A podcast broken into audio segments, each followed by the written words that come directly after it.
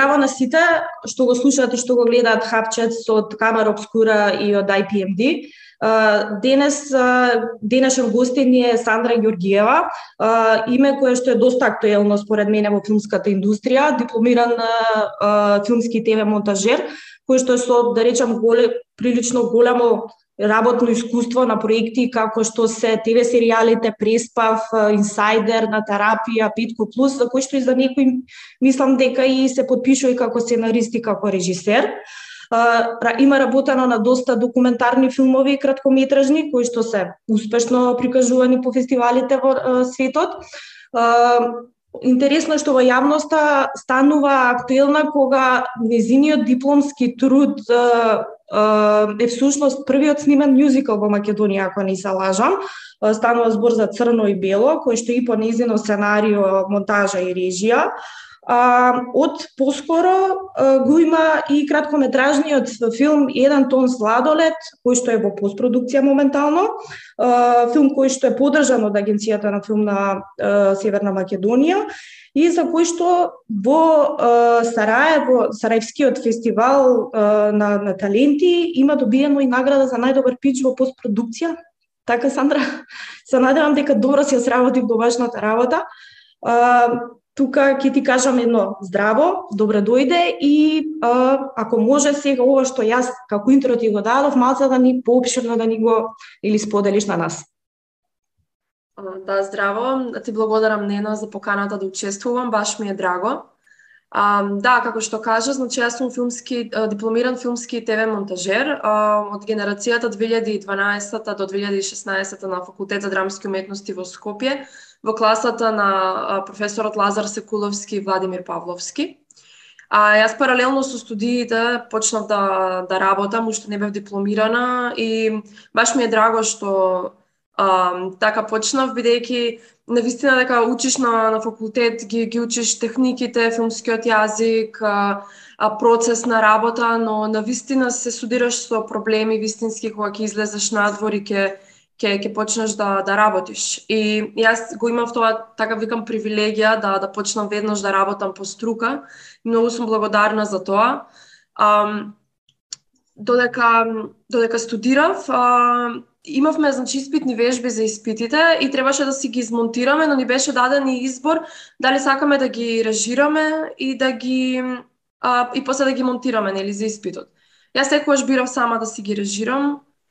Тоа така некако ме, ме, ме водеше, а, уживав и во тој процес на работа, иако искрено на почеток бев многу изгубена, ама некоја интуиција ме водеше. И така моите испитни вежби сама си ги режирав и затоа одлучив дипломскиот а, труд, последниот проект од факултетот, исто така сама да си го напишам и сама да го изрежирам. Иако не верувам во one man show, сметам дека поубаво на проекте секој да си има една задача и таа да си ја работи најдобро што може, 120%. Сепак некако така ми се направија коцките каде што за некои проекти работам и две работи. Еве, со започнување на професијата, пошто еве конкретно се и за почетоците збориме, а, што Зошто баш монтажа, режија? Сам што те мотивираше за тоа? Дали имаше некој рол модел или еден ден се разбуди рече и денес одам на ФДУ се запишувам затоа што тоа е тоа што треба да го дели да го работам. Искрено приказната е многу обична, проста да кажам, а немав некоја епифанија на, на сабајлето. Значи, едноставно, во втора година средно имавме предмет информатика, по кој што земавме да учиме Windows Movie Maker. Јас цело време снимав, јас комуницирав со пријатели од Мексико, ги наоѓав по уште каде не, по страни за билјардо, за по Skype и така што цело време снимав, имав многу материјал, им снимав како е снегот во Македонија, училницата кај што седам и цело време си допишував на некој начин видеоблог, блогинг со некои другарчиња од Мексико. И тогаш на тој час имавме задача да измонтираме некое видео, сите правеа нешто слика, слики со музика, слики од фудбалери, од пеачки. И јас земав ги склопив сите тие видеа што сум ги снимала во едно со музика. И тоа што ствари, тоа беше мојата прва премиера, да кажам, пред класот, кај што на сите многу им се свигаше и цело време бараа пак да го гледаме, пошто сите тие се појавуваат таму.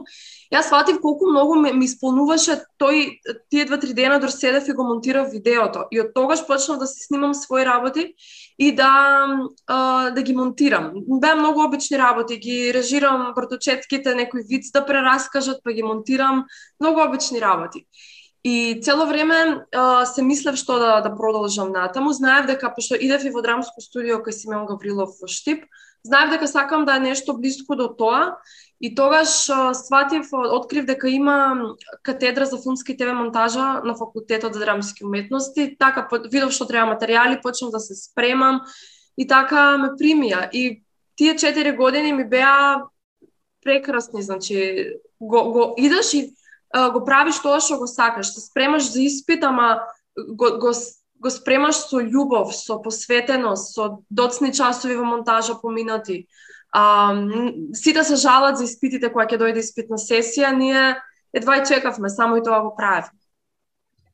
Супер, баш ми е драго, мислам, ова е доста интересно затоа што уште нели во средношколски години си почнала да документираш на некој начин да кажам, да нели тоа некој прво режирање и монтирање на на нели круговите на пријателите.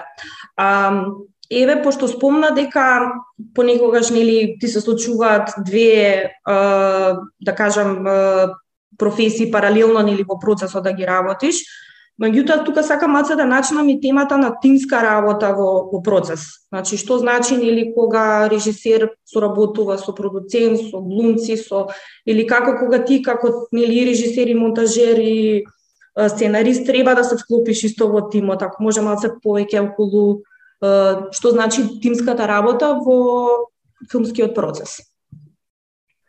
И дополнение, дали има разлика, нели, пошто збориме, имаш искуство и со видеоспотови, и со документарни филмови, со мюзикли, Значи, чисто еден таков инпут, инпут пошто предпоставувам дека многу поразлично кога се работи нека документарна форма од мюзикл каде што нели треба и кореографии, песни и се да се спрема тоа. А, да, искрено, а, Тоа е една работа што јас се уште ја учам. Секој ден со секој проект се уште се обидувам да сватам, пошто е многу тенка линијата.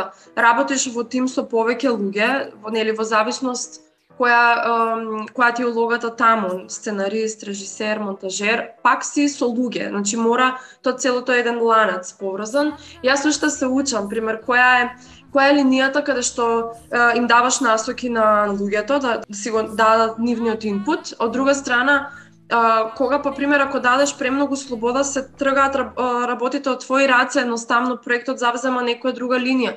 Или пак ако си премногу присутен и премногу стоиш над глава, па им создава некоја верзија на на луѓето во тимот. И тоа се некои работи што јас се уште ги учам. А, ама некако еве можат и некои други колеги да кажат, јас се осеќам како тимски човек, се чувствувам дека можам е, така да функционирам и до сега не сум имала проблем со некој. Едноставно знам пример кога секогаш ми е битно да знам кој ќе го има последниот збор, пошто приказната може да тече во недоглед и да има милион корекции да се менуваат, ама секогаш мора да има некој што го има последниот збор и да пресече. Тоа некогаш сум била јас, некогаш не сум била јас, кога не сум јас, само го давам мојот предлог и натаму оставам тоа да се одлучи како како треба. Така, значи А многу е битно е... мислам сите цело време да ги дават да. идеите, да не остане ни една идеја и да нема момент на его, да нема момент на горчина, да нема да, момент дека... на детски моменти. Мојата идеја не беше прифатена, е па не ти кажувам следно ти, ти знаеш најдобро. Такви моменти не треба да постојат. Сите треба да служат на идејата на проектот, на филмот. Не мора да е филм, било што во животот што правиме. Значи сите се собираме за една цел. Тоа треба да ни е главно на сите, а не кој што кажал и која идеја ја предложил, која била усвоена, која не. Супер, мислам дека ова баш убаво го дефинираше не само за конкретно филмски процес тука за сека, секакви аспекти дека нели што помалку его тоа значи дека многу поквалитетни и подобри проекти ќе имаме и, и нели за животот понатаму. А, второто прашање беше во однос чисто една разврска помеѓу нели, документарна форма, мюзикл, пошто се тоа мюзиклот мислам доста интересно, пошто сепак го имам гледано, морам да кажам дека стварно интересна форма е за нешто што е првпат снимано кај нас, сигурно било од имало доста препреки што требале да се надминат. И, и што ме доведува, зошто па баш мюзикл? Uh, да, тоа е исто интересно прашање што сигурно ќе дадам многу подобар одговор кога за неколку години кога пак ќе ме викнете и пример кога ќе имам позади себе повеќе мюзикли, повеќе играни, повеќе документарци. Сега разликата е голема од процес на процес. Пример кога го снимав документарниот филм Зелени зидови црна храна, тоа беше така, имав многу материјал и а, можеше приказната да заземе многу различни а, линии, така беше, пробував повеќе а, концепти и нарации. За разлика кај граниот и кај мюзиклот, тоа, значи, наративот е веќе воспоставен, приказната е воспоставена и сега гледаме како внатре да, да направиме. А, за, за самиот процес пред снимање, секако, пример, мюзиклот захтева многу голема екипа, пошто има некои, бидејќи има некои, да речам, функции, улоги што ги нема во играниот филм или во документарецот а, како на пример нели кореограф, а, да, композитор, ама композитор не на како филмска музика, филмски скор, туку буквално на, на, на песни, кај што репликите, да, репликите се а, инко, инкорпорирани во стихови. И тоа е разликата од мюзикал и музички филм, што ти ако ги извадиш тие песни, а, нема да се разбере приказната во мюзикал. Так. А, и секако да, јас тогаш кога почнав тоа да го правам, самата приказна што сакав да ја, што ја напишав, строго ме водеше дека жанрот треба да е мюзикал, плюс посебно сакам мюзикли, значи ги сакам старите мюзикли. Едноставно кога ги гледам се внесувам и а, и многу ми убаво уживам, бидејќи таму се мислам сите уметности на едно место, на едно танцот и, и да и пењето, музиката, се е таму. Кога почнав да да се спре, да се подготвувам за мюзиклот, тогаш мислам дека ме, ме удри колку, колку работа е. Ама во ниту еден момент не мислев да се откажам. Иако се откажа, да речеме, неколку композитори, а, работев и со по, помлади од мене и со повозрастни неколку актери, значи голема постава на актери се промени, ќе дојдат едни ќе научат кореографијата, процесот трае долго, се уште да. немаме финална музика, тие актери ќе се откажат, некои ќе останат. Пајде сега најди други актери што треба да ја научат истата кореографија. И така беше еден малце шизофрен период за мене, а но многу научив и видов имав многу подршка од многу луѓе, од професори, од соработниците, од актерите што останаа од почеток до, до крај. И секогаш го велам тоа еве јас сега предавам на а, предавам монтажа и кога ќе видам колку некој лесно се откажува, пошто еве не знам, му откажал некој во, во сабота и не, не можеле тоа да го снимат. Секогаш ми е тоа, тоа го велам, како твоја обврска е, ти си сакал тоа да го снимиш, ти откажал тој, твоја обврска е да најдеш друг што ќе го што ќе го сними тоа што ќе што ќе го направи, ќе го продолжи тој проект со тебе. И немаше да биде ништо од мюзиклот доколку јас се разочарав од првата од, од првото откажување на првиот соработник и го оставев проектот така и дипломирав со нешто друго. Цело време бев у потрага, у потрага по луѓе и на крај да испадна добро, сега јас да имам поголем буџет и по поголемо искуство, сигурно дека ќе биде подобар, но за тие услови во тоа време да собереш токава екипа Ипа, да. во исто место, во исто време за без пари, мислам дека навистина беше предизвик и еден од проектите со кои што најмногу се гордеам секоја чест и голем аплауз за тоа, затоа што за такви проекти, посебно кога нели и, екипа и буџети се лимитирани, мислам секоја чест. Сепак сте постигнале голема работа и ти и твојот тим. Чиста една паралела што значи работа, работа за нели клиенти од страна на светски рамки, што значи кога треба да работиш тука со продукциите. А, да, со моето а, искуство за странски пазар имам забележано дека а, и почувствувано на своја кожа дека многу е поразлично кога ќе си легнеш, дури после цел ден работа, исто што навечер, ама знаеш дека во текот на денот си добил уважување на твојата работа. За секоја мала ситница што плюс ќе ја придонесеш надвор од договореното, тие тоа ти го уважуваат, ти кажуваат фала ти за тоа и тоа што што го направи екстра. А, сметам дека ние може тоа да го земеме за пример и само повеќе кај нас повеќе да се подржуваме и повеќе да да да, да ги уважуваме работите. Значи за така, секој да има соработка, да. Да, да, да се укаже на тоа, да се забележат сите ефорти што еден човек ги прави за проектот.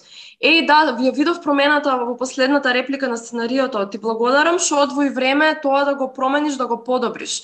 Такви некои работи што може се многу ситница и не, не значат губење време, а реално многу му даваат енергија на човекот да се осети виден, да се осети дека некој гледа што прави и како го подобрува проектот и и ја а, ја уважува неговата функција тука. Во денешно време се забележува тренд каде што се се поголем е застапен бројот на жени во оваа професија, поточно кој што доскоро може би важеше дека е само машка професија. Ако може малце да ни кажеш кои се предизвиците и дали бројот на вистина и кај нас толку голем и интересот станува се поизразен за жените да пристапат во оваа индустрија? А, кога се запишував на факултетот за драмски уметности на приемниот, само јас бев единствено женско, значи на самиот приемен, а не и, после, и кој не примен или секако во текот на студирањето. А, и воопшто не ни помислував дека дали е машка или женска професија, па сега према тоа дали јас да се пријавувам или не. А, само тргнав тогаш не ни бев свесна, пример, за некои такви поделби.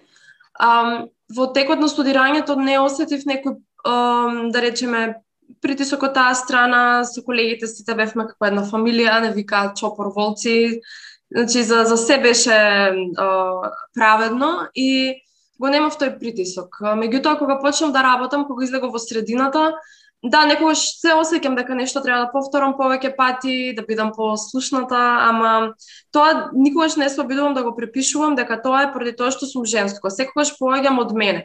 Аха, значи за следниот проект може би ова треба да го искомуницирам на поразличен начин. Трендовски сметаш дека се повеќе и повеќе жени се застапени во индустријава, така и дека имаат баш на свој глас и реално и од филмовите што допрва нели ги гледаме и ги излегуваат дека тоа е подем за кој што стварно може да се гордиеме затоа што и веќе значителни успеси се нижат. Да, и поради тоа многу ми е мило што живеам баш во ова време, а и што сум жена, многу сум горда на тоа што се занимавам со ова. И да, го гледаме тоа, секој секој женски проект не поминува без успех, без интернационален успех.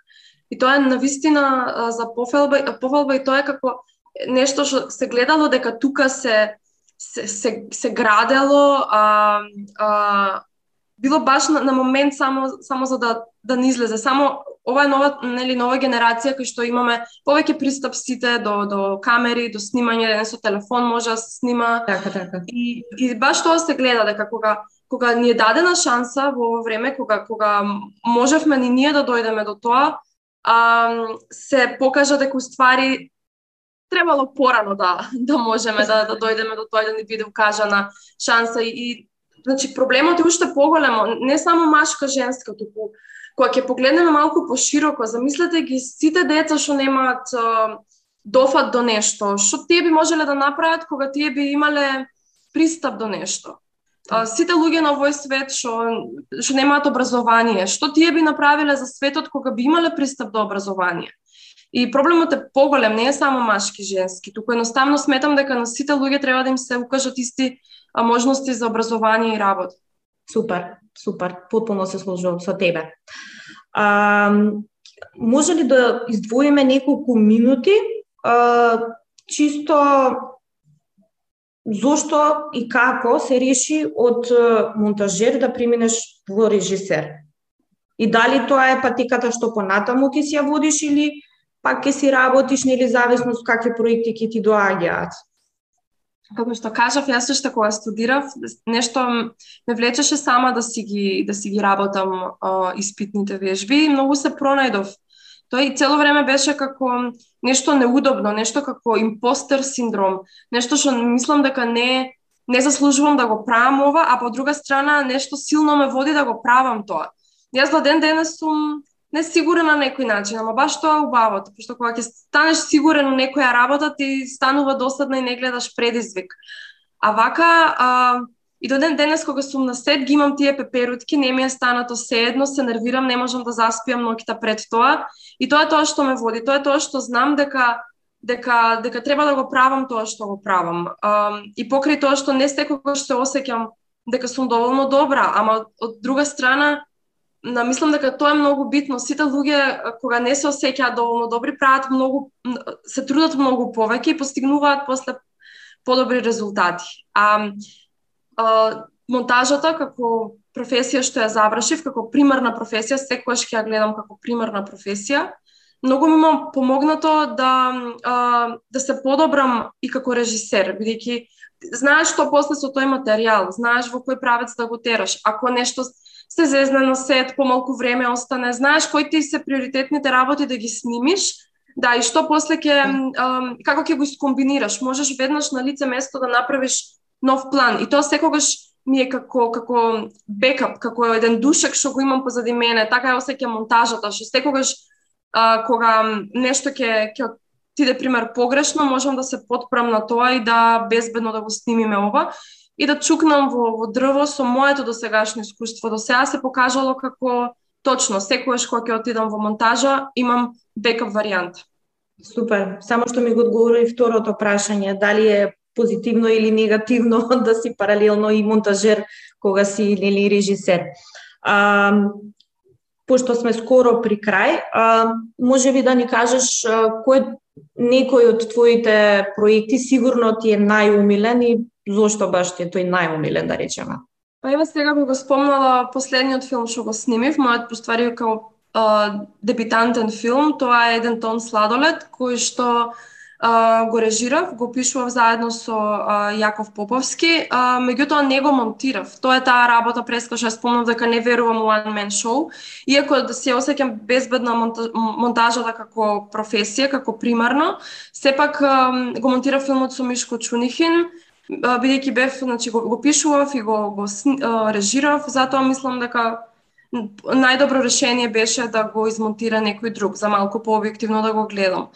Моментално тој е при крај во постпродукција а, и тој сега уште ми е свеж, го осеќам како нешто а, убава во соработка, а, уживање на сет, имавме прекрасен а, кастинг, а, работевме со деца, тоа ми беше многу убаво искуство. Работев пак со Елена Јованова по втор пат, исто многу ми беше мило. Um, и така, едноставно беше многу убав проект што едвај чекам да, да излезе. Супер, баш ми е драго. А, како една порака крајна за секој што би сакал да, да, да работи, да продолжи да работи во оваа индустрија, некој типс and трикс, чисто онака да споделиш? А, може би стварно ќе звучи како клише, ама тоа е тоа што ме вади да да стигнам до крај на секој проект. Е тоа е во секој проект да се најде некоја лична нишка и таа лична нишка ќе не тера тоа да го истераме до крај. Тоа што кажав, кога ќе откаже некој, да мора да се најде друг. Бидејќи ти да не можеш да спиеш од што толку сакаш да излезе тој проект а, на крај, на, на виделина, да, да, да го истераш. А, затоа е многу битно тоа личното да, да се најде. Во секој проект што ќе прифатите да го работите, да, да, да знаете зошто го работите и што е тоа што е води и што вие ќе кажете преку овој проект. И да, да, и пак, значи, стварно е клише, ама да, да не се откажува човек. Најлесно е да се откаже. Потешко е да се направат 50 инверзии и да се да се вложи многу повеќе време и енергија, ама после пак исходот ќе ќе ќе ќе направи да го заборавите а, целиот тој умор и се. Значи имам влезено во 40 сати работни без да спијам измеѓу, само за да можам да истерам на две места кај што сум ветила дека ќе бидам, а ми се судриле во исто време и мислам дека тоа што и човекот ја гледа својата кондиција и колку може да поднесе. Супер, Сандра. Ти благодарам многу што беше нас гостин, дефинитивно имаше што да ни кажеш и да ни споделиш. Јас ти посакувам многу успеси и се надевам дека ќе дојдеме и на премиерата на еден тон сладолед да изгледаме и баш да се доправиме муабет. А, се гледаме понатаму, ти благодарам уште еднаш за се и благодарам на сите што не гледаат и не слушаат. Фала, чао!